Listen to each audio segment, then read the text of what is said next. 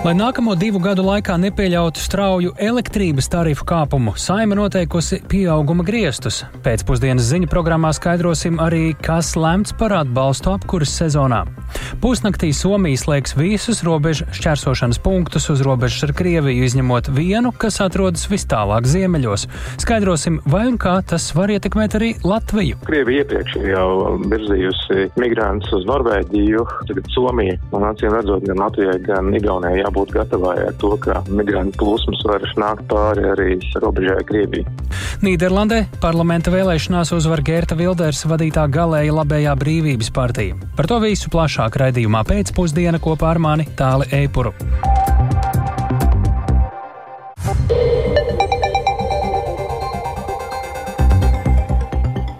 Pūkstens rāda 16,5 minūtes, skan pēcpusdienas ziņu programma, skaidrojot šodienas svarīgus notikumus. Studijā tālāk Eipurs. Labdien! Maisaimniecībām ar zemiem vai vidēji zemiem ienākumiem apkuras sezonā pienāksies atbalsts, ja elektroenerģijas, dabasgāzes, siltumenerģijas un decentralizētās kurināmā cenas pārsniegs valdības noteiktu slieksni. Šobrīd tas vēl nav noteikts. Tāpat uz diviem gadiem no nākamā gada janvāra maisaimniecībām būs noteikti elektroenerģijas sadalas tarifu fiksētās daļas pieauguma griesti. To visu paredz šodien saimā lemtais, un par to vairāk klausāmies Jāņa Kīņša ierakstā. Galvenā būtība - pāriet no helikoptera tipa atbalsta uz mērķiecīgu atbalstu. Nevis visiem lietotājiem, bet mērķiecīgiem lietotājiem.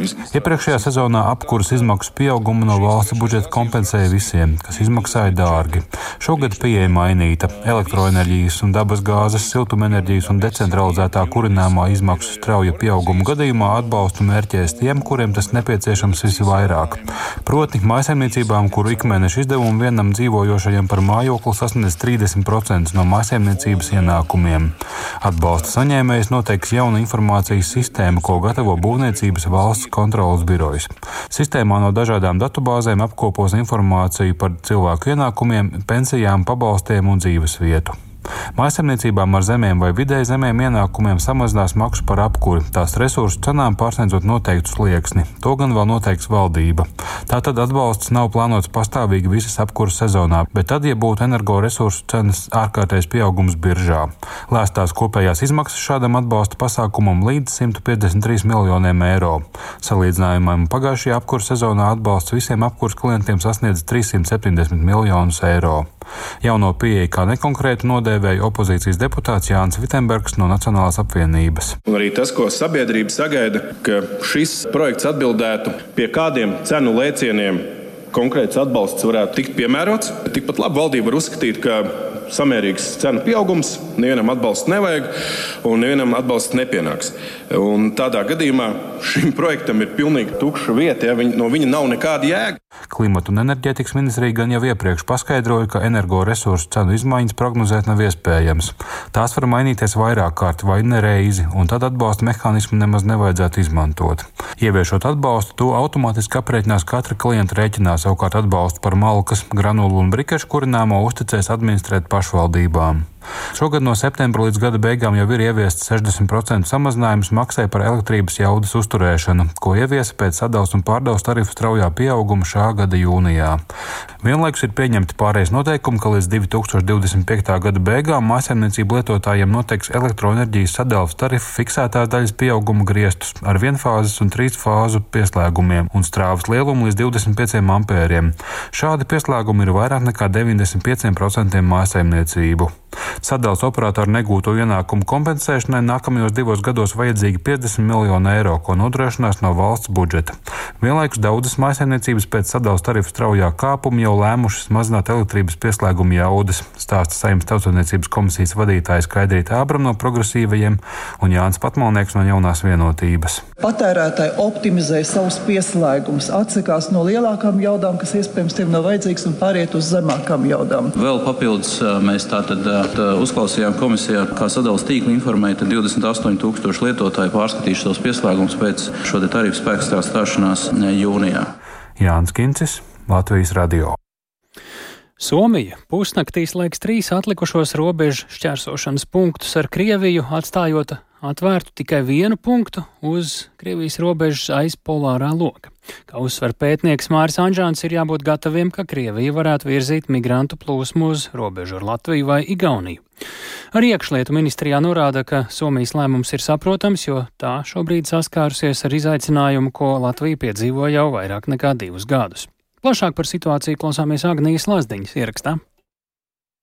Somijas premjerministrs Peteri Orpo trešdien paziņoja, ka tiks slēgti robežšķēršošanas punkti uz robežas ar Krieviju, izņemot vienu vis tālāk ziemeļos esošo Rajojo sepī posteni. Uz Krievijas robežas Somijai ir astoņi robežšķēršošanas punkti, četri no tiem slēgti jau kopš pagājušās sestdienas, taču piekdienas slēgs vēl trīs, kas būšot slēgti vismaz līdz 23. decembrim. Tā ir reakcija uz pieaugošo nelegālo imigrantu skaitu, kas netraucēt ierodas no Krievijas. Iepriekš Krievu robežsargi neļāva nelegāli nelegālajiem imigrantiem bez atbilstošiem ceļošanas dokumentiem doties uz Somijas robežšķēršošanas punktiem. Somija ir saskārusies ar izaicinājumu, ko mēs piedzīvojam vairāk nekā divus gadus. Tā uzsver iekšlietu ministrijas valsts sekretārs Dimitrijs Trofimovs. Viņš stāsta, ka pēdējās dienās nelegālās migrācijas spiediens uz Latvijas robežām ar Baltkrieviju un Krieviju ir mazinājies, taču netiek izslēgts, ka pēc kāda laika tas atkal pieaugs. Mēs rūpīgi sekojam un faktiski ņemot vērā, ka vairāki punkti ar līdzinījiem valdības lēmumiem jau ir slēgti. Šobrīd uz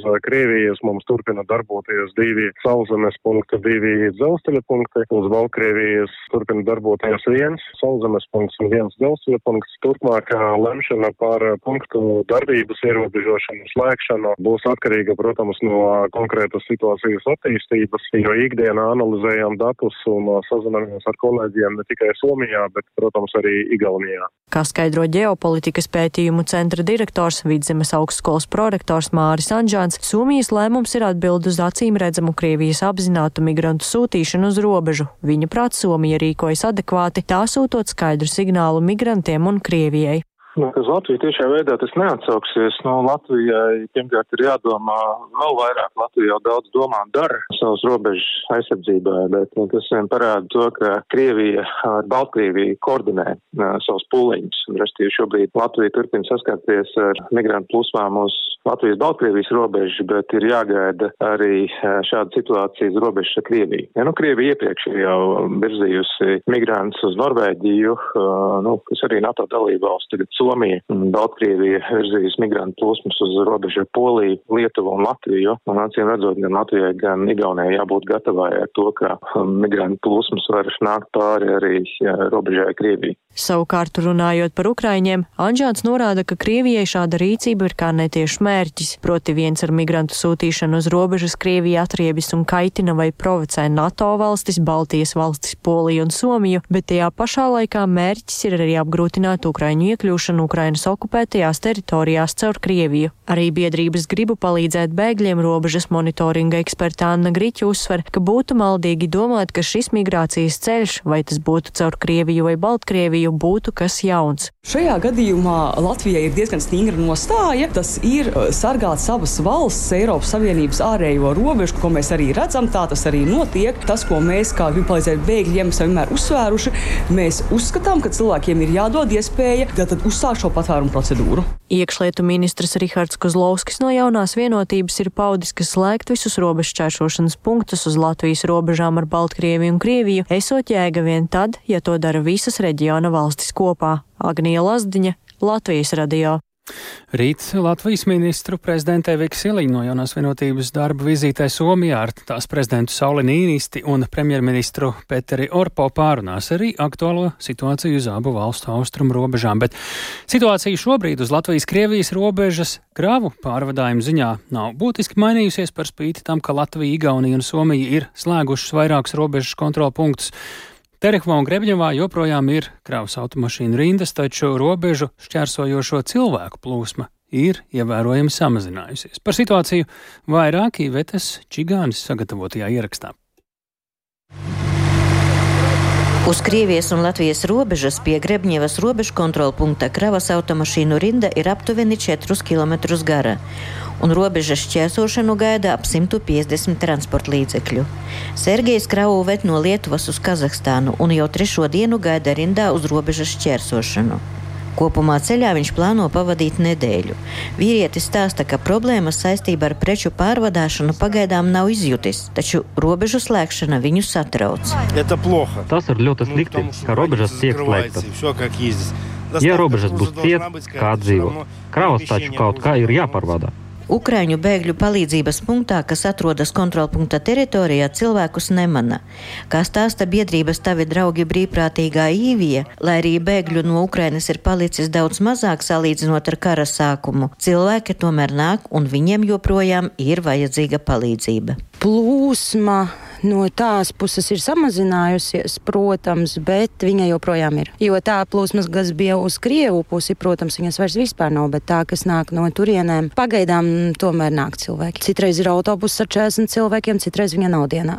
Tad ir busiņi pa astoņiem cilvēkiem. 4, 5, 6, citreiz 3. Tas tiešām ir katru dienu ir pilnīgi savādāk. Grebņevas robežu kontroles punkta priekšnieks Ēriks Harčenko atzīst, ka šķērsojot valsts robežu un arī kontrolpunkta teritorijā nav nekādu problēmu ne ar kravu pārvadātājiem, ne ar dažādu valstu pilsoņiem. Pēc 16. oktobra, kad Krievija liedza savā valstī ieceļot Ukrainas pilsoņiem, personu plūsma pāri robežai ir samazinājusies. Ja līdz 16. datumam mums vidēji izceļoja 96 Ukrainas pavalsnieki, tad pēc 16. datuma viņi palika uz pusi mazāk. Un tie bija tikai tie Ukrainas pavalsnieki, kuriem bija Krievijas pilsonība respektīvi dubulta pilsonība. Pie mums bija ļoti liels cilvēku skaits, kuri gaidīja izceļošanu no Eiropas Savienības uz Krieviju. Pēc 16. datuma tā plūsma visa pazuda.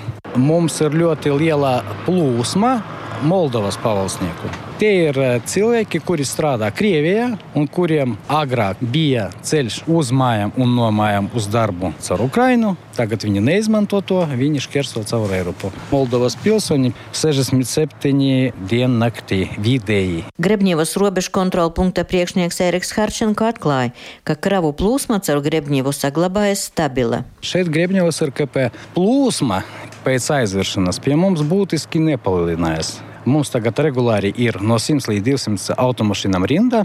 Vienīgais, kas mainījās, pavalsnieki, ja pārvadātāji. Parādījās vairāk Baltkrievija, Serbija. Kravas plūsma īpaši nekas nav mainījies. Līdzīga situācija ir arī Terehovā. Terehovas robežu kontroles punkta priekšnieks Aleksejs Kakauļons uzskata, ka vismaz pagaidām atsevišķu robežu šķērsošanas vietu ar Krieviju slēgšana Latvijā, Igaunijā un Somijā nav radījusi būtiskas izmaiņas kontrolpunkta darbībā.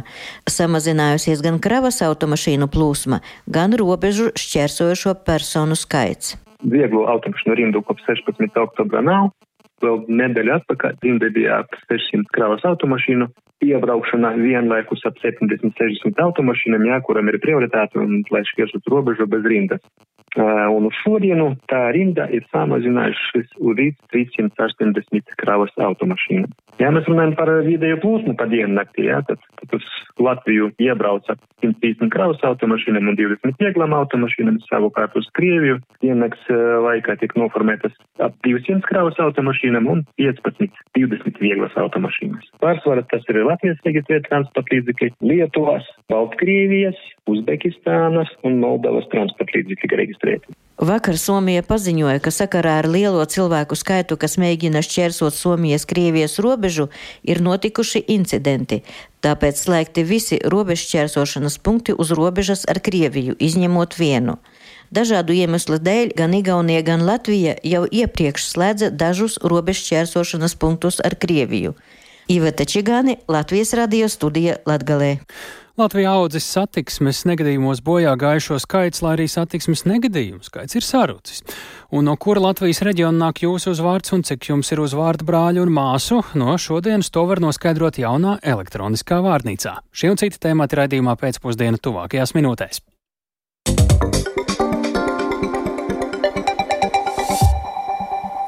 Nīderlandē parlamenta pirmstermiņa vēlēšanās visvairāk vietu izcīnījusi Gērta Vildersa vadītā galēja labējā brīvības partija. Tā ieguvusi 37 no 150 parlamenta apakšpalātas vietām, tā dubultojot savu līdzšinējo pārstāvniecību.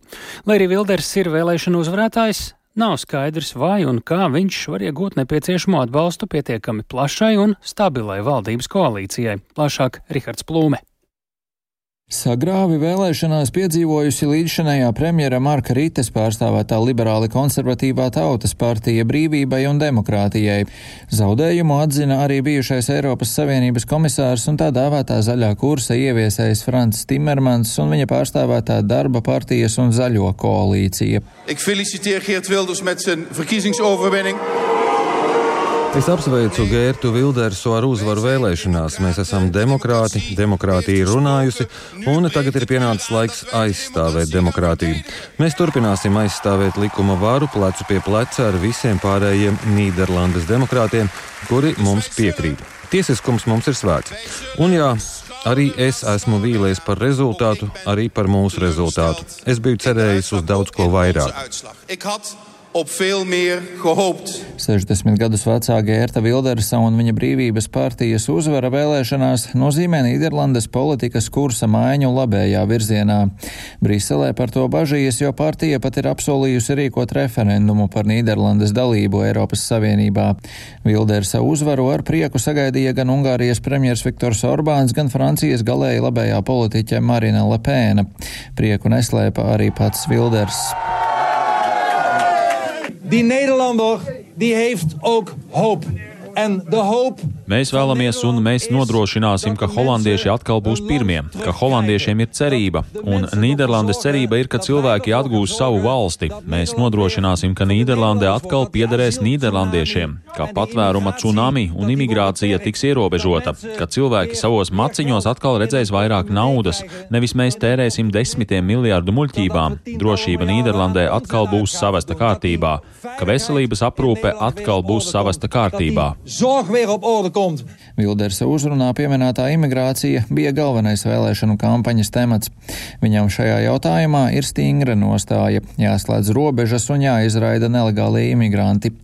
Kritiskā nostāja pret imigrantiem un musulmaņiem un viņa matu sakārtojums ir bijuši daži no iemesliem, kādēļ Vildersu salīdzina ar bijušo ASV prezidentu Donaldu Trumpu. Imigrācijas jautājums vēlētājiem ir bijis būtisks, un to apliecina arī kāda vēlētāja atbildot uz jautājumu, kādēļ viņas prāt partija uzvarējusi. Galvenokārt imigrācijas dēļ, manuprāt, arī mani kolēģi teica, ka vēlētos vēlētos, lai robežas tiktu slēgtas, tāpēc viņi balsoja par brīvības partiju. Tāpēc es domāju, ka tieši tāpēc daudz cilvēki balsoja par brīvības partiju. Inflācija gan esot svarīgāka par imigrāciju, norādījis Vilders, sakot, ka būs premjers visai tautai, neatkarīgi no reliģiskās un seksuālās piedarības vai ādas krāsas. Ekonomika patiesi arī ir būtisks jautājums, un par Vildersu balsojas arī kāds uzņēmējs, kas uzskata, ka tieši viņš spēs uzlabot cilvēku finansiālo stāvokli. Niet omdat hij Wilders heet, maar gewoon omdat uh, al zijn punten. Balsoju ne jau vārda dēļ, bet tāpēc, ka viņš risina jautājumus, kas skar smagi strādājošos cilvēkus. Esmu uzņēmējs, tāpēc gandrīz visa mana nauda aiziet visiem, izņemot mani pašu. Tātad jā, es balsoju par Vildersa kungu. Vēlēšanu uzvarētājam tagad priekšā grūts uzdevums mēģināt izveidot darboties spējīgu koalīciju. Būs nepieciešams pierunāt konkurentus, kuri pirms balsojuma kategoriski izslēdza iespēju darboties viņa vadītā valdībā. Rihards Plome, Latvijas radio. Par spīti mazākam satiksmes negadījumu skaitam Latvijā ir pieaudzis satiksmes negadījumos bojā gājušo cilvēku skaits. Runājot par gada pirmajiem desmit mēnešiem, bojā gājuši jau 120 cilvēku. Un, uh, Tas ir par 27 cilvēkiem vairāk nekā pērn šajā laikā. Tā šodien ziņoja valsts policija. Ceļu satiksmes drošības padomas sēdē, eh, un par jaunāko informāciju mums vairāk ir gatavs stāstīt kolēģis Viktors Demīdovs. Eh, Viktor, saki, kā tad šodien notikušajā sēdē šie skaitļi tika skaidroti? Vai tas nozīmē, ka satiksmes negadījumi Latvijā kļūst smagāki vai bojā gājušo skaitu pieaugumam varētu būt citi iemesli un gal galā kā un ko šeit var vērst par labu? Tik nav iepriecinoša tā negadījuma statistika. No šogad 120 bojā gājušajiem vairāk nekā 50 ir vadītāji, tad te jau piekdeļa gājēji un pēcāk seko pasažieri, velosipēdu vadītāji un citu veidu mm, cilvēki, kuri tā, tā vai citā veidā pārvietojās un piedalījās ceļu satiksmē.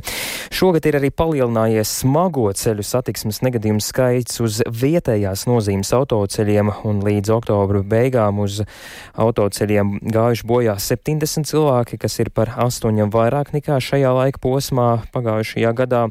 Un novembrī bojā gājušo skaits ir palielinājies vēl par 11, līdz ar to nu, tā, tad uz valsts autoceļiem kopumā šogad jau ir gājis bojā 81 cilvēks. Un uh, vairāk par tiem iemesliem paklausīsimies mm, Latvijas valsts ceļu vadītāju Mārtiņu Lasdovski riskanti un nepārdomāti manevri, neapdomība, es gribu teikt, arī neiecietība uz valsts autoceļiem, ko mēs redzam, kas izraisa attiecīgi smagas sekas. Un te noteikti būtu tāds plašāks analīzes vērts jautājums par to, kas tieši izraisa šo brīžiem trūkst vārdu, kā citādāk to nosaukt, kā vājprātu, veicot šos manevrus uz ceļiem. Protams, ātrums, kas parasti ir saistīts ar to pirmo. Tad ir arī, protams, satiksmes noteikumu pārkāpšana. Tālūk Mārtiņš Lasdovskis, Latvijas valsts ceļu vadītājs, un salīdzinot ar pērno gadu, tad šogad ir uh, arī palielinājies ātruma pārkāpēju skaits.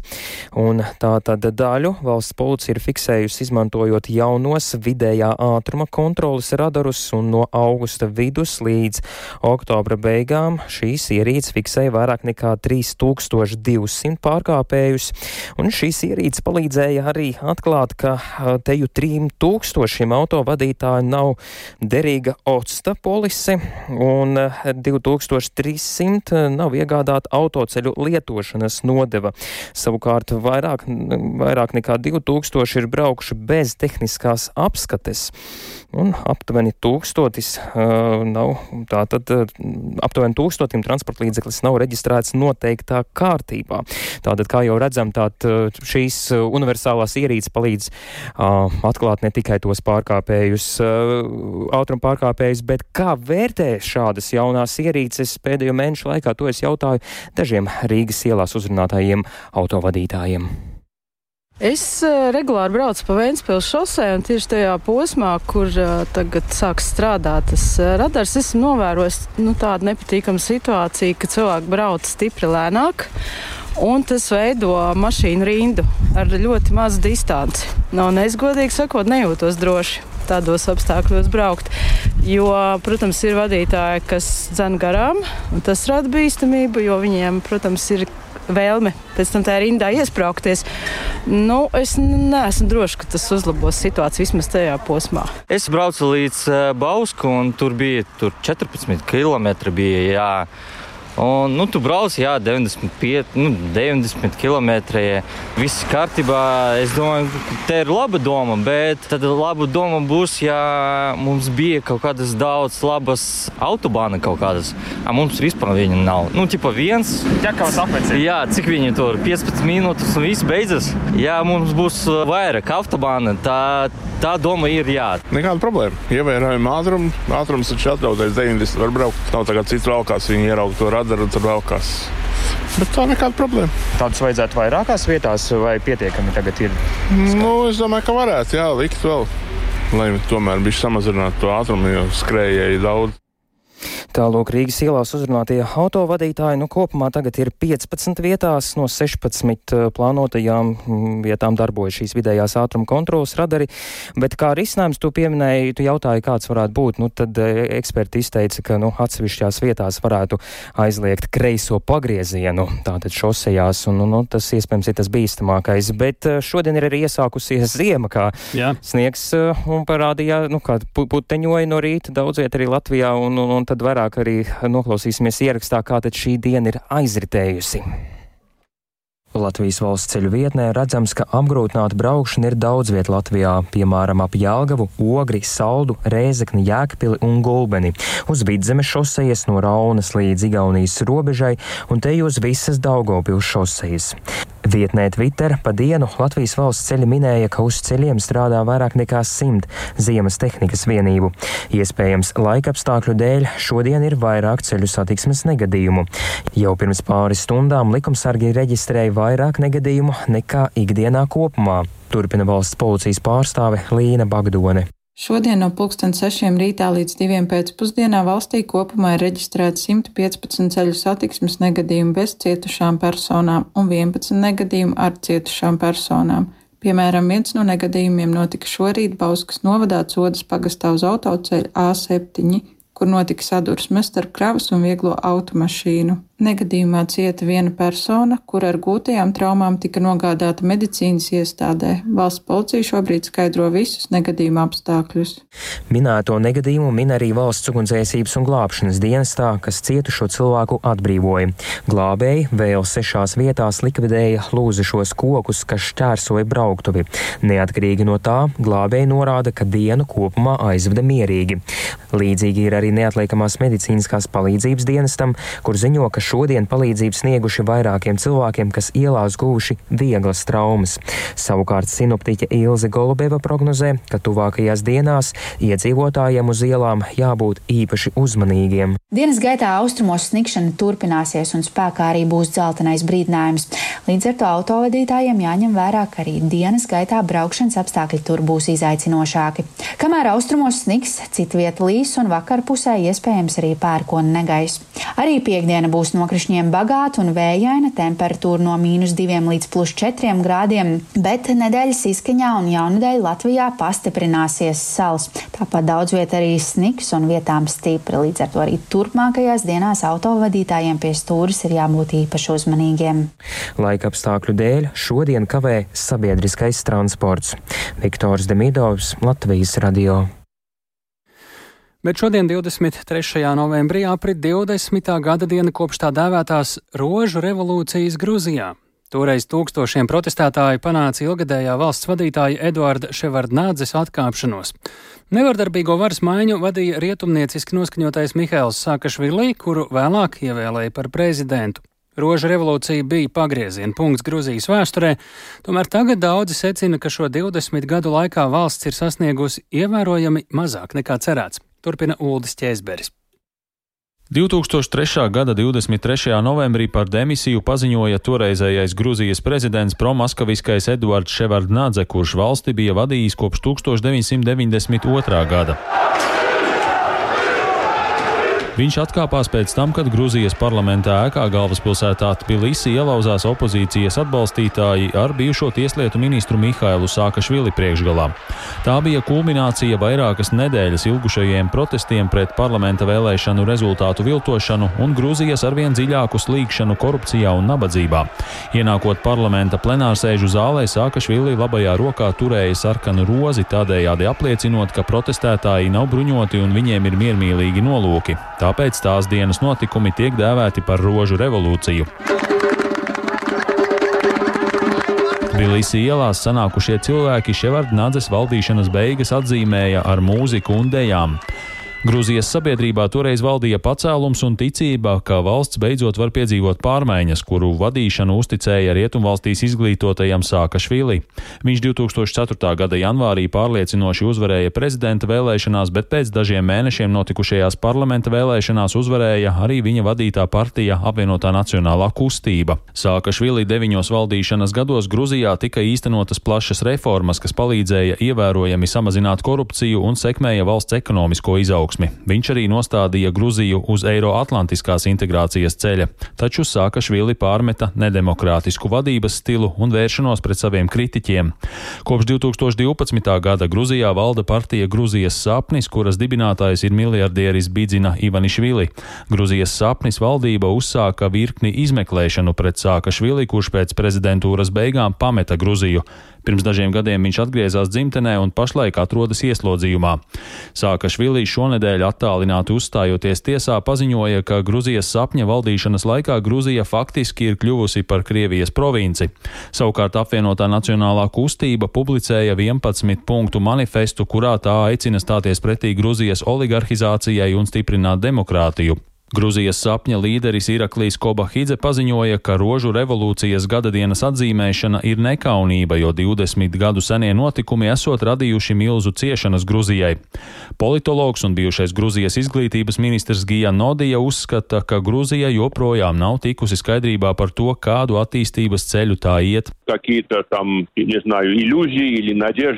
Zināmas ilūzijas vai cerības bija saistītas ar to, ka mēs caur rožu revolūciju beidzot pametām atstājām Krievijas ietekmes zonu un virzāmies uz rietumiem. Zināmā mērā tas bija pamatoti, jo mēs patiešām vairāk vai mazāk esam izvēlējušies rietumu attīstības ceļu. Tomēr šis jautājums ir aktuāls arī šodien. Mēs joprojām paliekam pierobežas situācijā, neraugoties uz to, ka drīzumā varam saņemt un visticamāk arī saņemsim Eiropas Savienības kandidātu valsts statusu.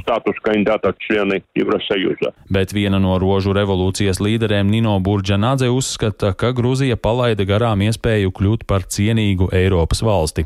Uldis Česberis, Latvijas radio. Un atgriežamies Latvijā. Cik Mana uzvārda brāļu un māsu ir Latvijā, no kura Latvijas reģiona cēlies mans uzvārds. Uz šiem jautājumiem atbildes rast turpmāk palīdzēs elektroniskā latviešu uzvārdu vārnīca. Tādu šodien atklāja Latviešu valodas aģentūra un tā atrodama vietnē uzvārdi LV. Vārnīca ir vairāk nekā piecu gadu darba auglis, apkopojot, pētot un sistematizējot latviešu uzvārdus. Lai par to izstāstītu vairāk uz īstu telefonu sarunu mums piebiedrojas statistikas speciālists un vēsturnieks Ilmārs Mešs. Labdien! Labdien! Nu, es šobrīd atrodu, ka ir astoņi dzīvi eipuri un 19 dzīvi meži. Redzu, kuros Latvijas reģionos to ir visvairāk šajā uzvārdu LV vietnē, un redzu arī iespējamos variantus, no kurienes tas uzvārds varētu būt cēlies. Vai tas ir viss, ko cilvēki var uzzināt šajā elektroniskajā uzvārdu vārnīcā? Nē, viens būtu tīri apmierināt uh, ziņkāri, cik daudz eipuru meža vai, vai visu pārējo uzvārdu, bet tur gan jāpieskaita arī jāklikšķina uz sieviešu dzimtas uzvārdu, tad būs daudz vairāk. Tieši tā. Bet otrs, ka tas dod iespēju daudziem uh, garos ziemas vakarus internetā baudīt ar, ar šādu veidu hobiju, kur var meklēt tālākus radinieku zārus, nepazīstamus. Varbūt man ir daudz cilvēku teikuši, ka viņi nezina, no kurienes ir tur kāds vectēvs, vecvectēvs. Un šeit, par, ja vien tas nav Bērziņš, Kalniņš, Ozoliņš, Uh, tad to noteikti varētu atrast kaut kādu pavadienu, kur būtu jāmeklē mana uzvārda izcelsmes sakne.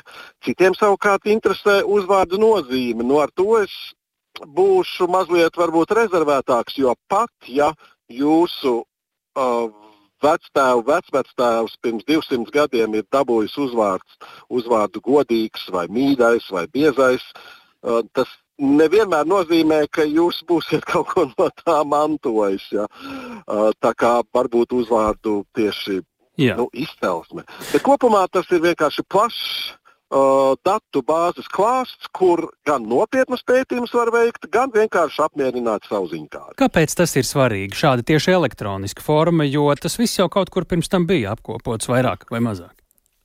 Uh, jā, nu, būtībā šīs uzvārdu grāmatas, uh, kuras tika pieminētas, uh, tās tomēr ir diezgan padārgas, lai viņas iegādātos. Bibliotekas ne katram ir uh, pāri pa ielu ap stūri viegli aizsniedzamas. Tāpēc arī šīs visas grāmatas ir lasāmas ar visiem tiem šķirkļiem, ar visiem tiem rakstiem, ar visām tām uzvārdu kartēm. Uh, piemēram, cilvēkiem, kam var būt grūtības tik mazus burtiņus, te var palielināt pa visu ekrānu, bet galvenais, kas ir no jauna, manuprāt, ka līdz šim nekur nebija publiski uh, pieejami visi 210 un mazliet astīta uh, tūkstoši, 210 tūkstoši Latvijā šodien eksistējošie uzvārdi. Um, Jā, vai jūs gaidāt arī, arī varbūt kādu atgriezenisko saiti, kas var palīdzēt varbūt pat tālākos pētījumos, jo šeit ienāk iekšā liela publikas līdzdalība? Jā, un uz to tiešām uh, autori ceram, jo ir ļoti būtiski, ka cilvēki ierakstītu dzimtas stāstus. Kāpēc ir tāds uzvārds, kāpēc, kādos apstākļos vispār tas uzvārds tika piešķirts, kaut kāds vēl, varbūt kā tas tika mainīts, kropļots un atpakaļ uh, atjaunots. Visi šie stāsti dod uh, ļoti labu uh, nu, vielu gan pārdomām, gan pētījumiem, un arī citiem būs interesanti lasīt. Tā kā īpaši, mēs īpaši ceram uz to, ka būs daudzi lasītāji, kas katrs gribēs uh, par savu uzvārdu kaut kādu interesantu stāstu arī tur ierakstīt. Un tādas iespējas tur tehniski tieši ir, kad ir tā vietiņa, kur uh, noziņo kaut kādu papildus stāstu par savu uzvārdu. Es eh, tieši meklēju šobrīd, bet eh, tur droši vien man rūpīgāk jāskatās. Pašā kur... apakšā. Pašā, pašā apakšā. apakšā. Ja, piemēram, atājas eipuru, un tad uh, norulē, kur visi stāsti, bet kur būs tāds lodziņš apakšā, kur var iesniegt savu stāstu. Lielas paldies! Es domāju, šobrīd tā lapa varētu arī apstāties, jo interese varētu būt liela. Mēs uz to ceram, uz to ceram ka viņai būtu jāapstājās. Un nekas, bet pārējos desmit gadus viņa strādās nevainojami. Ar laiku, protams, ka izlīdzinās interese. Eh, liels, liels paldies! Eh, šobrīd Lūdzu. to mēs sakām Ilmāram Mežam. Statistikas speciālistam un vēsturniekam dienā, kad eh, plašākai publikai tapusi pieejama vietne uzvārdi LV, kur var iepazīt sava uzvārda izcelsmi un arī statistiku tuvāk. Bet eh, šobrīd pievēršamies sporta tematikai divos no populārākajiem un skatītākajiem un arī, jāsaka, masveidīgākajiem ziemas sporta veidiem, proti, distanču slēpošanā un biatlonā. Jaunā pasaules kausa sezona sāksies jau šajā nedēļas nogalē. Un Latvijai abos šajos veidos ir pietiekami spēcīgi sportisti, kas var iepriecināt ar kādu augstvērtīgu rezultātu. Un plašāk par šiem sporta veidiem un tematu sarunāsimies ar kolēģi Māri Bērgu un sāksim uzreiz jau ar distanču slēpošanu, jo tur jau rīt pirmais starts, kādas tad noskaņas un Kāda realitāte Latvijas slēpotāju nometnē Māri? Distanču slēpotājiem arī tik tiešām jaunās sezonas starts ar sacensībām Somijā. Tur pirmā disciplīna sprints klasiskajā stilā. Un neapšaubām lielāku uzmanību pievērsīsim komandas līderiem un visvairāk sagaidām no Patricijas Eidu, kas Latvijas šobrīd labākās slēpotājas. Pagājušajā sezonā Patricija regulāri bija meklējama rezultātu tabulas augšdaļā, un viņa ir apliecinājusi savu piederību pasaules slēpošanas elitei. Šogad distanču slēpošanā nav ne olimpiskā Olimpisko spēļu, ne arī pasaules čempionāta, tāpēc Eidukai galvenais mērķis ir prestižais Tour de Ski seriāls, kas parasti notiek gadu mijā. Pati sportiste sarunā ar Latvijas radio sagatavošanās posma laikā pastāstīja, ka starpsezonā viņa gatavojusies krietni citādāk nekā iepriekš. Viņa strādāja kopā ar Norvēģu komandu un treniņi bijuši tiešām intensīvi pa četrām, piecām, pat sešām stundām dienā un tā sešas dienas nedēļā. Klausāmies Patriciju Eiduku ir ļoti labi, kad mums ir kopā nometnes, jo mēs neesam tā ikdienā daudz kopā, bet, um, kad esam, mēs viennozīmīgi sevišķi intervālu treniņos un arī kaut vai garākos, jā, mierīgos treniņos mēs uh, vienu otru noteikti tā kā palīdzam, kā arī man patīk, ka dažreiz kāda no meitenēm tur iedod kādu padomu, jo man liekas, ka ja mēs tik dienā viens otru tā kā tik daudz redzam, tad uh, ir forši, kad uh, viena otru var pielabot kaut kādā ziņā, kaut kādas kļūdas vai kaut ko. Jā, vīriem distanču slēpošanā izlases līderis ir Raimo Vīgants. Viņš pēdējās pāris nedēļas pavadījis Somijas ziemeļos aiz polārā loka. Tur iestājusies tiešām stabila ziema, bijuši tiešām ļoti labi apstākļi, daudz sniega, gaisa temperatūras gan zemākas nekā slēpotāji gribētu, bet arī vīri ir pastrādājuši un vīgans, tāpat kā pārējā komanda, centīsies, protams, progresēt, sasniegt labākus rezultātus nekā iepriekš. Vairāk tiešām gaidām no Patrīcijas tos augstos rezultātus, vīriem pagaidām jāprogresē. Vīgantam prioritāte ir pēc iespējas vairāk startu līdz gadumijai, nu, bet tālāk tad gan būs jāskatās tāli. Nu, ko tad Biatlons?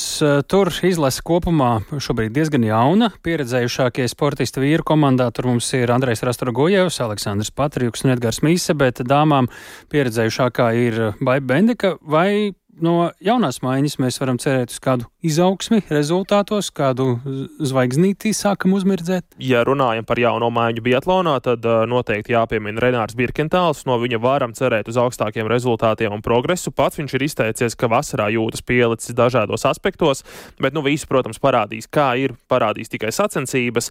Viņa paša mērķis ir regulāri iebraukt 40. niekā, cīnīties par iedzīšanu, tātad sprintā, cīnīties par iekļūšanu iedzīšanā, un tas tas jau būtu solis uz priekšu. Protams, visvairāk gaidām no Andreja Rastargujeva. Nu, un sieviešu sacensībās Baiba Bendika plāno atgriezties jau ar pirmo posmu Esterzundā. Atgriešanās gan būs tāda pakāpeniska. Esterzundā viņa plāno startēt uh, sprintas, uh, plāno iespējams startēt sprintā, bet uh, nu, pilnīgi noteikti stafetē sievietēm gan baiva plāno piedalīties. Un tad nobeigumā mums vēl jāatgādina, kad tad pirmie starti distanču slēpošanā un distanču slēpot, biatlonā. Distanču slēpotāji mums sāk rīt Somijā, un biatlonisti Zviedrijā Esterzundā tur viņiem pirmais starts sestdien. Būs kam sekot līdzi Latvijas sporta draugiem. Ja pirms nedēļas runājām par bobsleju, tagad nāk klāts slēpošana un biatlons. Arī kā maniņu sports būs, tas būs nākamajā vai aiznākamajā nedēļā, bet arī tūlīt būs Par to arī runāsim citos raidījumos pēcpusdienā. Sakām paldies mūsu sportziņu kolēģim Mārim Bergam, un līdz ar to arī izskan šīs dienas ziņu raidījums pēcpusdienā. To veidojām mēs, Stāls Eipurs, Lauris Zvejnieks, arī Uldis Grimbergs un Katrīna Bramberga. Un te jāatgādina, ka, ja vēlties šo redzējumu klausīties sev vērtā laikā un veidā, tad ņemiet, piemēram, Latvijas radio mobilo lietotni, meklējiet dienas ziņas, un tur jau tas pēc kāda laiciņa būs pieejams. Tāpat arī, protams, to var darīt visās eh, lielākajās raidierakstu platformās. Bet ziņu raidījums pēcpusdienā, kā ik darba dienu, pie jums būs arī rīt pēc ziņām 16 un 5 minūtēs.